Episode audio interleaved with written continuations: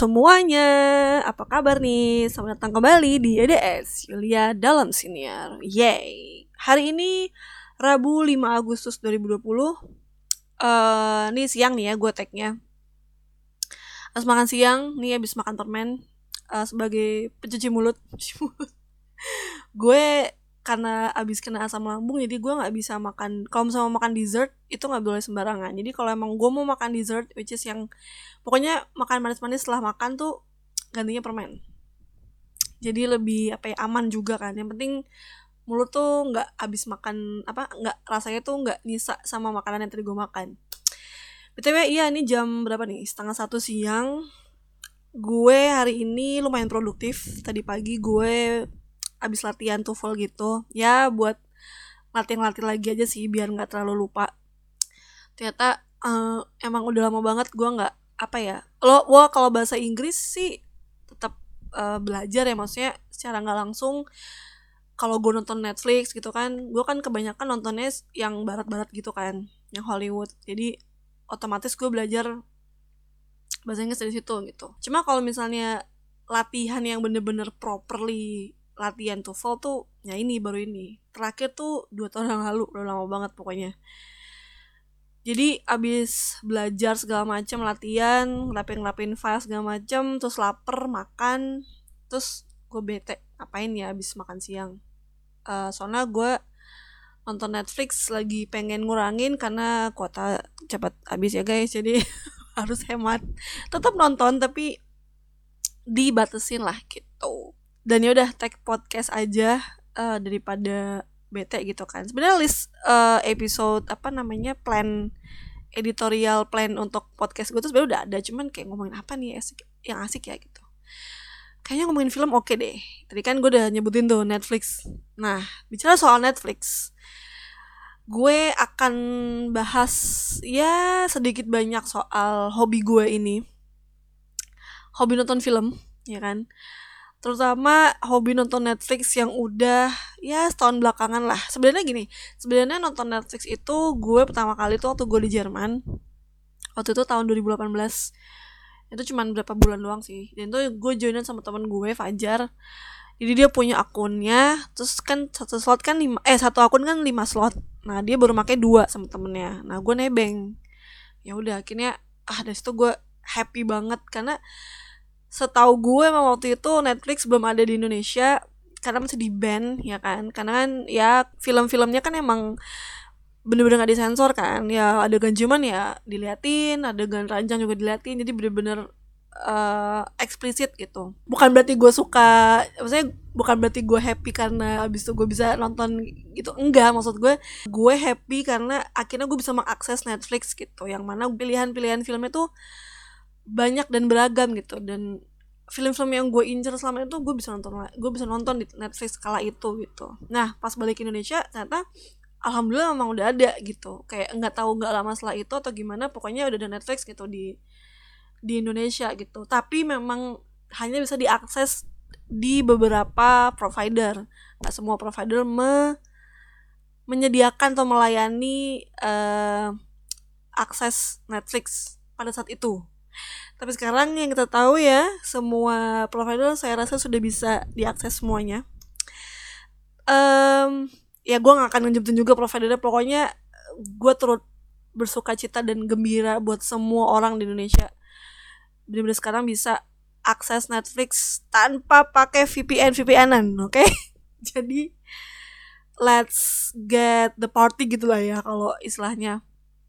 Anyway, ngomongin soal Netflix semalam tuh di WhatsApp story gue gue bikin WhatsApp story yang isinya itu uh, gue kayak sharing my watchlist gue di Netflix. Kan gue awalnya nggak ngerti nih ya bagian mana gitu. Sebenarnya di kan ini my list terus geser kanan kan. Ternyata pas lagi dibuka di bar more itu yang di option more itu ada bagian kecil itu my list. Bener-bener yang jebret banyak gitu. Bener-bener uh, bukan yang satu row tapi a whole apa sih namanya page itu emang itu list nonton gue yang udah gue checklist gitu di Netflix.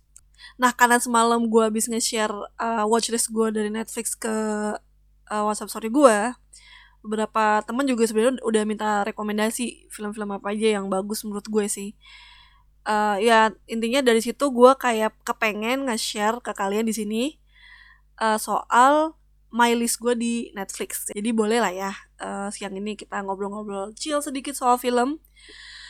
Uh, yang mana memang sudah menjadi hobi gue dari lama. Ya gak sih? Asik. Yang tahu yang kenal gue udah pasti tahu banget gue tuh anaknya sebegitu gilanya sama film. Sebenarnya ada lebih gila dari gue sih. Tapi di circle gue gue termasuk movie nerd banget. Kayak sampai teman gue waktu gue di Jerman uh, namanya Andres dia orang Kolombia. Dia sampai kan di bio Instagram gue kan gue tuh sama gue tuh movie nerd kan. Ya sebenarnya nggak movie nerd banget tapi gue me, apa ya mendeklar kalau gue itu adalah seorang movie nerd kutu film. Sampai teman gue si Andres itu bilang hey Yulia the movie nerd the movie girl gitu. Ya bener-bener kayak saking dia tahu gue tuh emang suka banget film. Oke langsung aja. Ini adalah my list gue atau daftar tonton gue di Netflix. Ini ada yang udah gue pernah tonton tapi tetap gue checklist karena just in case kalau gue pengen nonton lagi gue nggak nyari-nyari lagi gitu. Ini banyak banget sebenarnya. Dan random. Ada genre apa aja? Drama uh, action komedi uh, animasi juga ada uh, romcom sih yang paling banyak. Karena gue anaknya romcom banget ya gak sih yang udah kenal gue pasti tau ya emang romcom banget. Iya emang bener. Horor juga ada terus dokumenter juga ada. Nah ini gue bacain aja. Sekiranya film-film yang gue bakal rekomend kalian uh, apa aja. Tapi ini ini yang bakal gue sebut ini yang gue tahu filmnya tapi belum gue tonton ya. Soalnya ada film-film yang gue nggak tahu sama sekali ini film apa maksudnya ini film dari mana dan tentang apa? Bener-bener gue belum tahu reviewnya atau trailer sama sekali. Cuman tetap gue masukin karena gue merasa uh, kayak ini emang bagus sebenarnya dari posternya sih. Gue gue ngeliat oh posternya bagus sih. Udah gue gue gue, gue cek dulu aja gitu. Tapi ada juga beberapa film yang uh, dia emang produksinya bukan Hollywood tapi kayak dari Eropa. Ini udah mulai banyak nih film-film Eropa masuk ke Netflix tuh luar biasa banget loh. Sumpah gue kayak anjir kapan lagi gitu kan nonton film Eropa di Netflix. Karena biasanya gue kalau nonton film Eropa ya harus cari link yang gitu yang watching streaming gitu. Terus kan itu kan bajakan ya kenanya ya kayak uh, ilegal gitu. Jadi gue sehappy itu ketika gue nemu satu film film Jerman kayak waktu itu gue nemu ada di sini gitu. Jadi nah gue masukin list. Ini aja gue nih langsung aja ya. Gue sebutin ya. Pertama ada Midnight in Paris. Itu yang main Owen Wilson. Dah Owen Wilson. Jujur gue tuh gak suka sama aktor ini si Owen Wilson. Apalagi temennya Vince Vaughn ya. Gue gak tau bacanya tapi yaitu Vince Vaughn itulah. Gue nggak terlalu suka sama tuh dua aktor karena nggak tau ya nggak favorit aja gitu. Jadi uh, kurang serak. Tapi memang film ini kan memang bagus banget. Sebenarnya gue udah nonton film ini sih. Cuman nggak sampai selesai karena itu pas awal mula ya elah yang main dia gitu.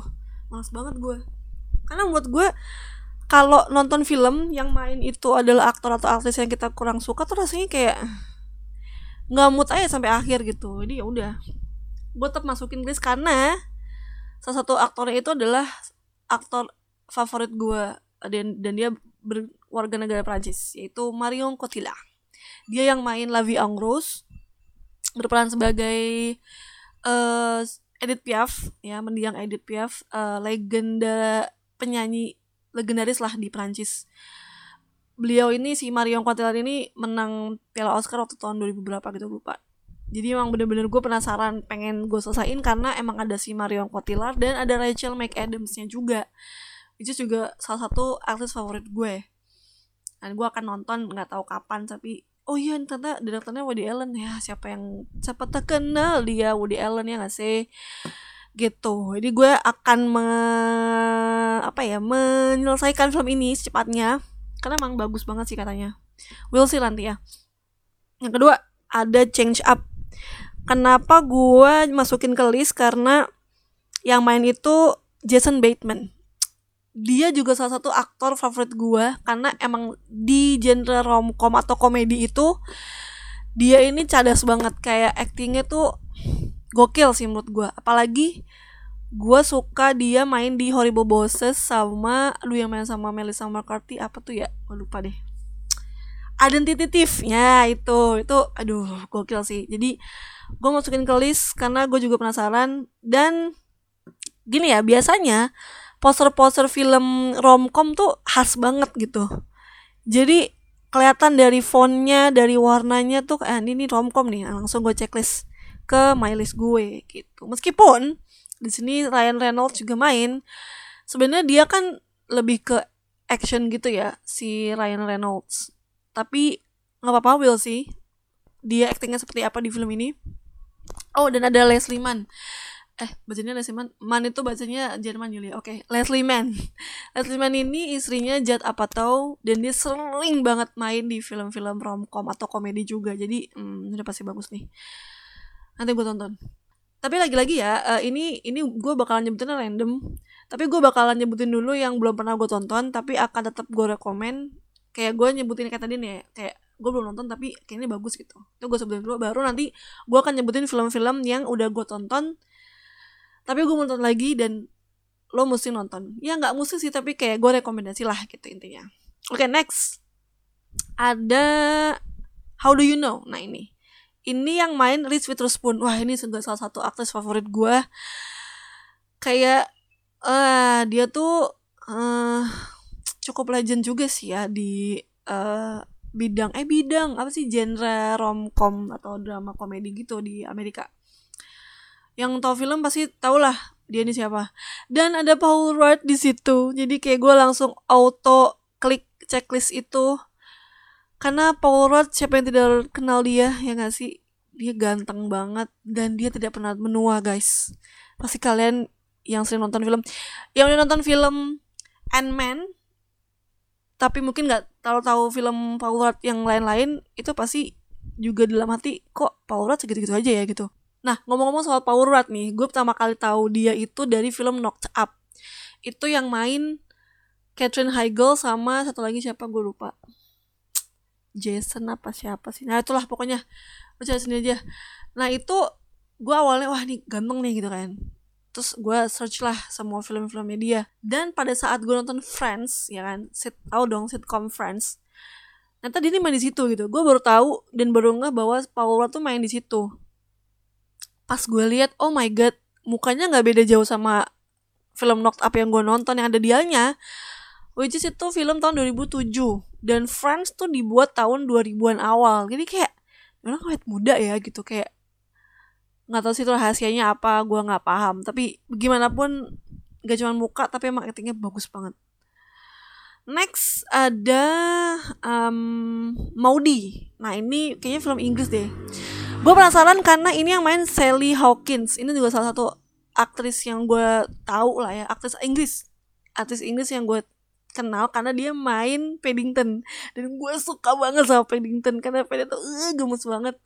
Dan gue penasaran nih kayak apa nih dia aktingnya. Karena dia juga salah satu aktris yang cukup apa ya nggak cuma terkenal tapi emang kayak legend juga sih di Inggris gitu. Untuk perfilman Inggris ya dan ada Ethan Hawke juga yang main. Ini mantan is eh mantan istri mantan suaminya Amat Uma Thurman Ama apa Uma sih baca Uma Thurman. Ini bapaknya si Maya Hawke itu loh yang main Stranger Things.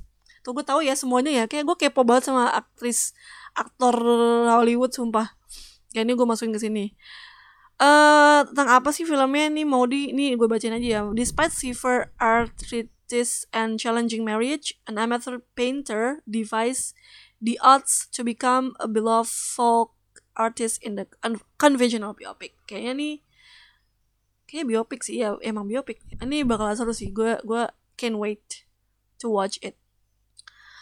Terus um, gue juga masukin ke list itu oh nih late night. Ini masih soal aktris aktor Inggris.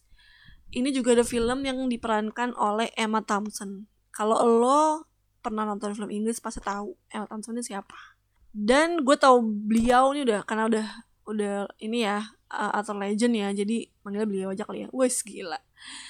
Si beliau ini si Emma Thompson ini um, gue taunya dari Love Actually. Pertama kali gue tahu beliau tuh dari situ. Jadi sebegitu melekatnya di pikiran gue di ingatan gue tentang acting beliau. Karena di situ beliau jadi seorang istri yang diselingkuhin sama suaminya dan tuh sedih banget ceritanya jadi kayak gue empati banget sama si bagian ceritanya si Emma Thompson itu sama almarhum Alan Rickman kalau ini judulnya Late Night nih yang gue masukin ke list Uh, kenapa gue juga masukin ke selain ada Emma Thompson karena ada Mindy Kaling. Ini juga yang main apa ya? No String Attached kayaknya kalau nggak salah ya. Tapi juga dia bagus sih aktingnya. Cuma gue gak tau ini tentang apa. Nanti lo cari sendirilah anjay. Males banget gue kasih tau. Yaudah gue ke sana nih itunya brief informationnya. On the verge of being replaced, a long-time talk show host attempts to revamp her brand when a driven woman woman joins her all male writers room. Oh, oh ada tentang writers ya. Boleh lah. Pasti ini gue masukin ke list. Akan gue tonton segera. Next. Hmm, nah ini. To All the Boys I've Loved Before. Ini sebenarnya udah lama filmnya. Sebenarnya nggak lama sih, 2018. Tapi uh, banyak banget yang rekomen itu udah lama tapi gue kayak entah kenapa gini entah kenapa gue kalau orang tuh pada hype nonton itu gue nggak akan nonton film itu sesegera mungkin kecuali Parasite Midsommar hmm, apalagi Joker bahkan enggak sih pokoknya kayak gue merasa udah terlalu banyak orang ngomongin gue jadi malas nonton gitu. Jadi kayak gue nunggu agak reda baru gue tonton kayak gitu. Ini pun belum nonton kayak gitu. Tapi gue penasaran sih sama si cerita ini. Katanya katanya emang relate banget sama orang-orang yang suka sama orang lain tapi kayak pengen ngungkapin cuman nggak tahu caranya gimana. Ya itulah intinya. Correct me if I'm wrong ya tapi tapi ya kira-kira yang gue paham kayak gitu ceritanya. Next ini Spy. Yang main Melissa McCarthy tadi gue bilang. Bener wah ini nih yang main dia juga. Sama kayak identitatif yang main Melissa McCarthy Jason Bateman sama Ross Byrne. Ah Ross Byrne tahu yang main Insidious. Uh, ini tentang oh agen CIA ini nggak jauh beda sama si itu apa nggak jauh beda sama filmnya dia yang ada detektif pasti. Maksudnya five five nya pasti sama kayak gitu ini perlu banget tonton segera. Mantap. Next um uh, apa lagi nih ya? nah Pepper Towns. Gue akhir-akhir ini lagi penasaran sama actingnya Cara Delevingne. Itu gara-garanya gue waktu itu nonton um, talk show-nya siapa tuh? James Corden di segmen Spill Your Guts feel eh sih itu? Spill Your Guts Feel Your Guts apa ya pokoknya yang makan tapi dimuntahin lagi gitu lah pokoknya. Dari situ ada episode dia si Cara Delevingne sama almarhum Kobe Bryant. Jadi gue ngerasa kayak si Cara ini cara ngomongnya tuh asik gitu kayak um, apa ya khas aja gitu sih Cara Delevingne ini Cara Delevingne gitu. Terus dia kan ak aktris Inggris ya model dan aktris Inggris jadi aksennya you know lah British banget. Jadi kayak oh ini kayaknya gue penasaran sama filmnya. Entah di film Paper Towns ini dia beraksen uh, Amerika atau Inggris we'll see. Apalagi ya? Satu lagi aja kali ya yang film yang uh, gue masukin list tapi gue pengen banget nonton. Dan gue ngerasa ini harus segera tonton gitu. Ntar. Kayak romcom aja kali ya karena gue emang suka buat romcom kan uh, we'll see. Sebentar ya. Banyak soalnya guys. Gue bingung guys. Oh ini aja deh. Hangover part 3 ini gue udah nonton dari pertama yang kedua. Gue jujur yang kedua kurang suka. Makanya gue pengen tanya yang ketiga apakah sebagus yang utama atau yang kedua atau lebih bagus ini atau gak lebih bagus dari yang kedua sebelumnya? We'll see. Satu lagi deh uh, karena kan kalau hangover kan pasti udah pernah tahu tuh filmnya. Satu lagi apa ya? Bentar. Um, karena gini jujur gue tuh ngeliat tuh dari posternya men. Kalau posternya tuh kurang eye catching tuh gue gak tertarik untuk nonton gitu. Bentar ya. Um, um, um, um, um, um, um, um, um, uh, wait wait. Ah deh satu lagi. Nancy Drew. Ini sebenarnya film lama banget tahun 2007 yang main Emma Roberts ini masih unyu-unyu gemes gitu ya. Masih kayak masih remaja. Ini kenapa gue masukin ke list? Karena Nancy Drew itu dianggap sebagai film yang bernuansa detektif yang simple tapi ngena gitu karena kan kalau kita kalau nonton film-film detektif kan kayak ya nonton Sherlock Holmes atau nonton kalau yang kayak yang sekarang nih Brook Brooklyn 99 kayak gitu-gitu. Jadi eh nonton apa 99 sih? Itulah pokoknya.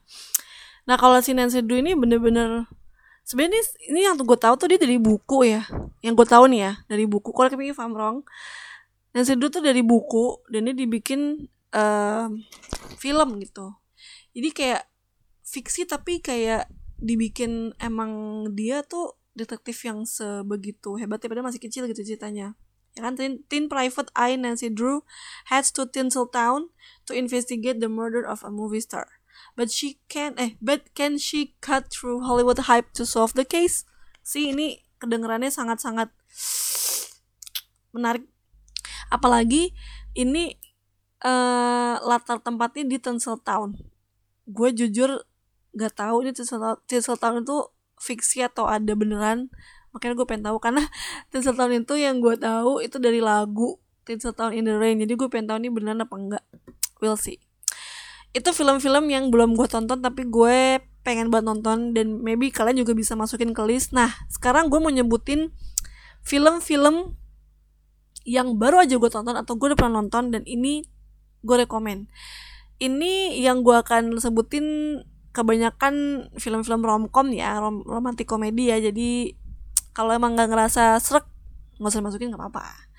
Kenapa gini? Gue kenapa gue suka banget sama romcom? Karena romantik komedi tuh uh, bukan berarti gue yang kayak pengen yang uwu-uwu gitu enggak. Tapi lebih ke enteng ceritanya.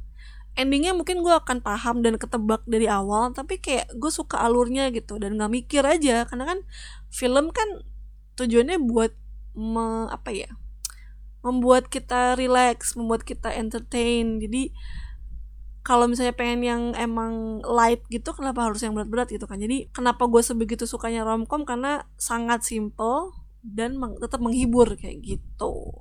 Nih ya gue akan rekomend pertama adalah No Reservation. Ini baru aja kemarin gue tonton lagi. Ini tentang dua koki yang sebenarnya saling nggak suka karena si koki yang cewek ini sangat kompetitif. Sedangkan yang cowok itu sebenarnya mau ini sih dia sebenarnya penjilat sih secara langsung. Tapi eh uh, karena dia akhirnya suka sama si koki yang cewek jadi akhirnya mereka jadi dan sebagainya. Tapi ada konflik-konflik tertentu di situ yang nggak nyangka sih bakal konfliknya bakal sebegitu rumit. Karena ada ponakannya si koki yang cewek yang ada dalam uh, circle mereka kayak gitu. Itu yang bikin menantang. Yang pasti tentang masak-masak jadi gini gue suka banget film ini karena dia menyajikan gambar-gambar makanan karena gue suka makan. Jadi semua orang suka makan deh kayaknya. Semua orang suka makan jadi kalau lihat film ini tuh kayak jadi pengen makan gitu jadi pengen ke restoran gitu gitu jadi ini recommended sih buat gue yang kedua itu ada ini Failure to Launch. Yang main ini juga salah satu akses favorit gue Sarah Jessica Parker ya. Sama Matthew McConaughey. Itu juga aktor yang sangat wow banget. Makanya gini gue pertama kali tahu Matthew McConaughey itu dari sini dari film ini dari film Failure to Launch. Yang mana gue gak nyangka kalau sebenarnya Matthew McConaughey itu tuh sebenarnya aktor untuk genre action atau yang kayak drama gitu. Jadi kayak itulah yang gue suka dari Hollywood adalah mereka tuh bisa uh, apa ya berakting lintas genre gitu loh. Dan tuh tetap tidak mengurangi kualitas acting mereka gitu meskipun berbeda genre.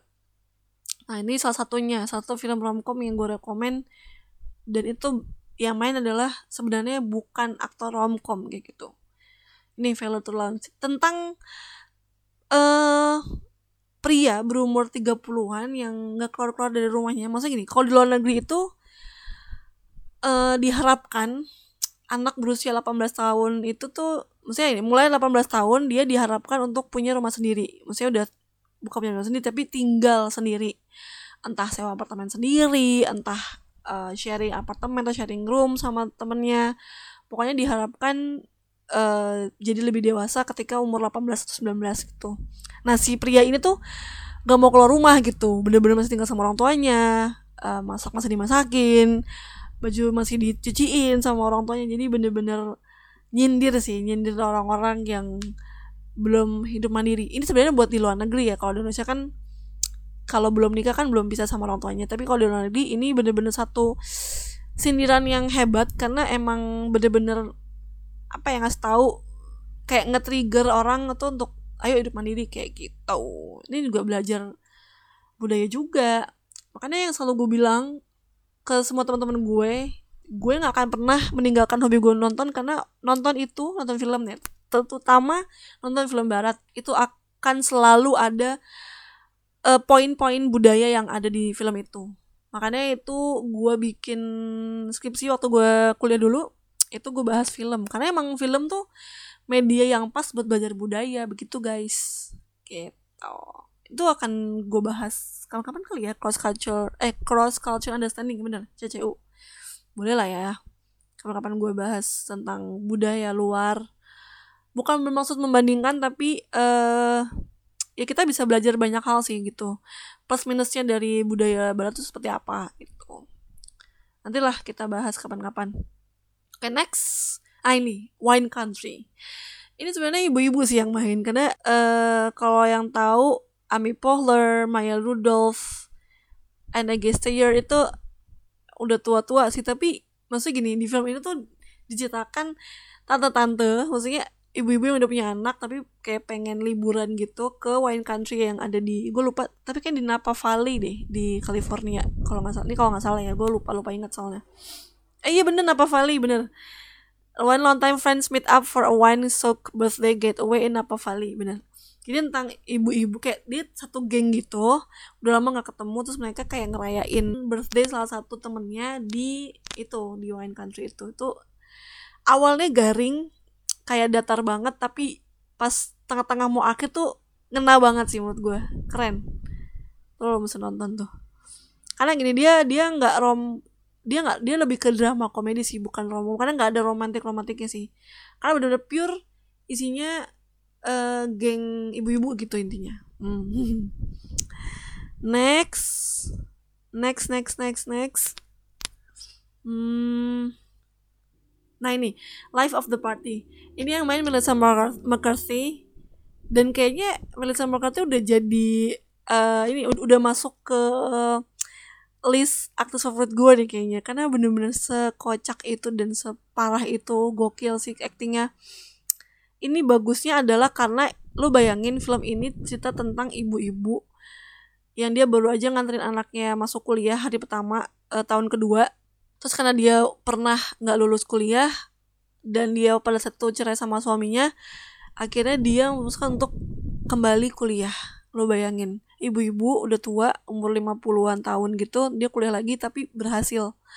Ya gue spoiler ya tapi intinya kayak gitu. Intinya banyak banyak apa ya makna yang ada di film itu karena bener-bener gak nyangka bahwa oh umur segitu tuh nanti bisa masih bisa hang out loh gitu gitu jadi kayak uh, secara nggak langsung juga bikin confident orang yang nonton sih terutama yang udah uh, ibaratnya usianya udah nggak muda lagi kayak gitu terus hmm,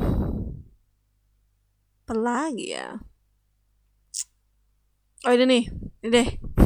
Film jadul. Home Alone 2 Lost in New York. Ini gue suka banget sama film ini.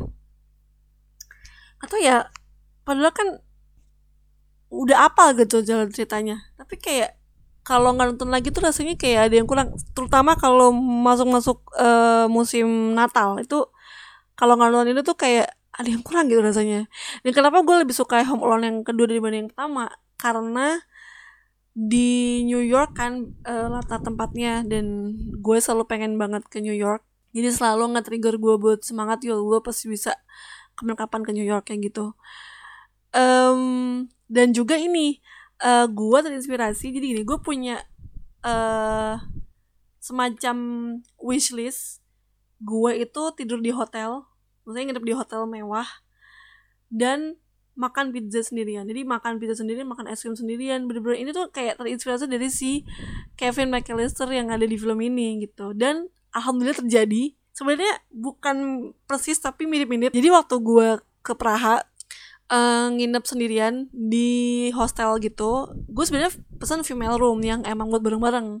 Ternyata pas gue nginep di situ nggak ada yang nginep lagi. Jadi maksudnya gini maksudnya satu kamar itu harusnya buat 8 orang tapi buat gue doang sendirian. Jadi it's it was all for myself for me and myself gitu bener-bener yang buat gue doang. Dan di situ gue langsung ah gue beli pizza sama uh, Pepsi gitu. Karena kayaknya asik gitu kayak si Kevin McAllister yang di film Home Alone bener-bener gue nonton TV makan pizza minum soda terus kayak aduh itu memorable banget sih. Nah itu gara-gara film. Jadi gue kayaknya emang bener-bener apa ya selalu terinspirasi sama film sih. Dan itu nggak tahu uh, entah unik atau gimana tapi udah jadi bagian dari gua, hidup gue sih film itu. Dan lagi-lagi yang gue bilang memang banyak um, aspek-aspek budaya yang ada dalam film-film terutama budaya uh, film-film barat ya. Jadi menurut gue film memang bener-bener ngasih unjuk ke kita gimana kehidupan di sana. Sebenarnya gini di Indonesia juga kayak gitu sih. Cuma kalau gue lihat film-film Indonesia tuh nggak banyak yang nunjukin um, aspek-aspek budaya Indonesia itu. Kecuali beberapa beberapa film. Banyak sih tapi kayak menurut gue lebih banyak film-film barat yang nunjukin uh, budaya India gitu. No offense tapi memang yang gue rasain kayak gitu.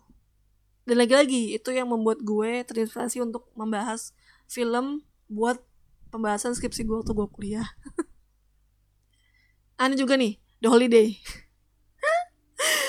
Gak tau ya gue kayak udah seribu kali nonton tapi gak pernah bosan gitu. Gue bahkan sampai punya CD-nya CD filmnya maksudnya sama punya kaset ininya apa sih? Uh, bukan kaset CD VCD uh, soundtracknya. Itu gue beli di waktu gue di Jerman gue nemu di pasar lawak gitu pas gue nemu masih dibungkus guys. Jadi bener-bener gue langsung beli. Karena harganya cuma satu, satu euro ya. Siapa yang nggak mau beli dengan harga yang murah itu? Tapi itu udah dapet satu album soundtrack film favorit lo gitu. Jadi siapa pun pasti akan langsung melakukannya. Satu lagi apa ya? Life as We Know It. Ini yang main Catherine Heigl, Josh Duhamel sama Josh Lucas uh, tentang dua orang yang awalnya nggak kenal sama sekali tapi sahabat mereka itu saling apa ya mereka tuh punya sahabat. Jadi yang cewek ini punya sahabat yang cowok juga punya sahabat. Nah sahabat ini nikah. Nah mereka ini kayak semacam jodohin tapi kayak nggak berhasil. Tapi pada akhirnya berhasil sampai kencan itu karena mereka dipersatukan oleh anak kecil kayak anak yang si sahabat mereka. Dan mereka lah yang mengasuh si anaknya kayak gitu. Jadi ini uh, tidak lebih romcom dari uh, life of, life of the party atau wine country tapi uh, tetap lucu dan komedi dapat sih menurut gue keren keren. Eh satu lagi deh. Ini ini lucu banget sumpah sumpah. Judulnya The Wrong Missy. Jadi ada cowok dia itu kayak blind date gitu sama cewek namanya Melissa iya bener namanya Melissa. Atau dipanggilnya Missy.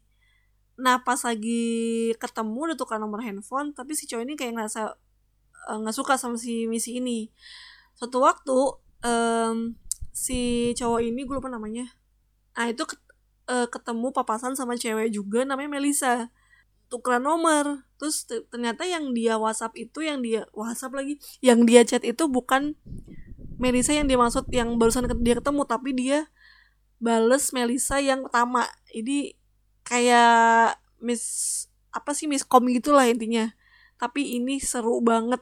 Gue bisa bilang ini romcom terancur tergokil yang pernah gue tonton. Sejauh ini karena ini 2020 baru baru banget tayang. Dan langsung uh, dan langsung masuk Netflix. Dan I would say um, ini romcom tipe-tipe romcom yang gue tuh suka banget padahal ini dibuat tuh baru baru ini gitu. Jadi kayak karena gini gue beberapa tahun terakhir tuh ngerasa kok romcom udah gak kayak dulu ya gitu. Karena gini zaman dulu itu romcom yang gue suka banget nih ya The Wedding Date Seven Dresses Bridesmaid Brides War um, pokoknya jujur teman-teman wedding tuh gue lumayan suka. Tapi ini nih kayak Wrong Missy terus Life of the Party itu tuh kayak ini adalah romcom Hollywood yang emang Hollywood banget gitu. Jadi aduh nyesel deh kalau nggak nggak nonton gitu. Sama ini juga sih the setup eh setup set it up. Itu juga romcomnya tuh kayak Amerika banget gitu. Kayak nggak cheesy terus atau nggak terlalu complicated. Pokoknya bener-bener alurnya tuh bener-bener itu tuh romcom. Pokoknya yang suka romcom pasti hafal alurnya. Jadi ketika nonton yang lain tapi alurnya agak beda tuh kayak kok kayak gini sih gitu. Kok cheesy sih kok terlalu rumit kayak gitu. Jadi itu itu lo cek nanti ya. Oke gitu aja ya. Uh, tadi daftar film Netflix yang gue share ke kalian kebanyakan romcom nggak apa-apa ya. Kayaknya kapan-kapan bisa lah gue bahas uh, series misalnya atau uh, action atau apa. Tapi emang gue emang hobi banget nonton romcom gitu. Jadi kali aja kalian mau nonton apa ya mau me membuat uh, daftar list apa daftar nonton kalian lebih beragam ya silahkan cek film-film yang tadi gue udah sebut. Semoga kalian suka. Uh, boleh di share ke teman-temannya uh, atau kerabat dan saudara uh, kalau kalian ngerasa podcast YDS ini sangat bermanfaat dan menghibur. Iyalah oke deh. Um, kita ketemu lagi di YDS episode selanjutnya. Bye bye dadah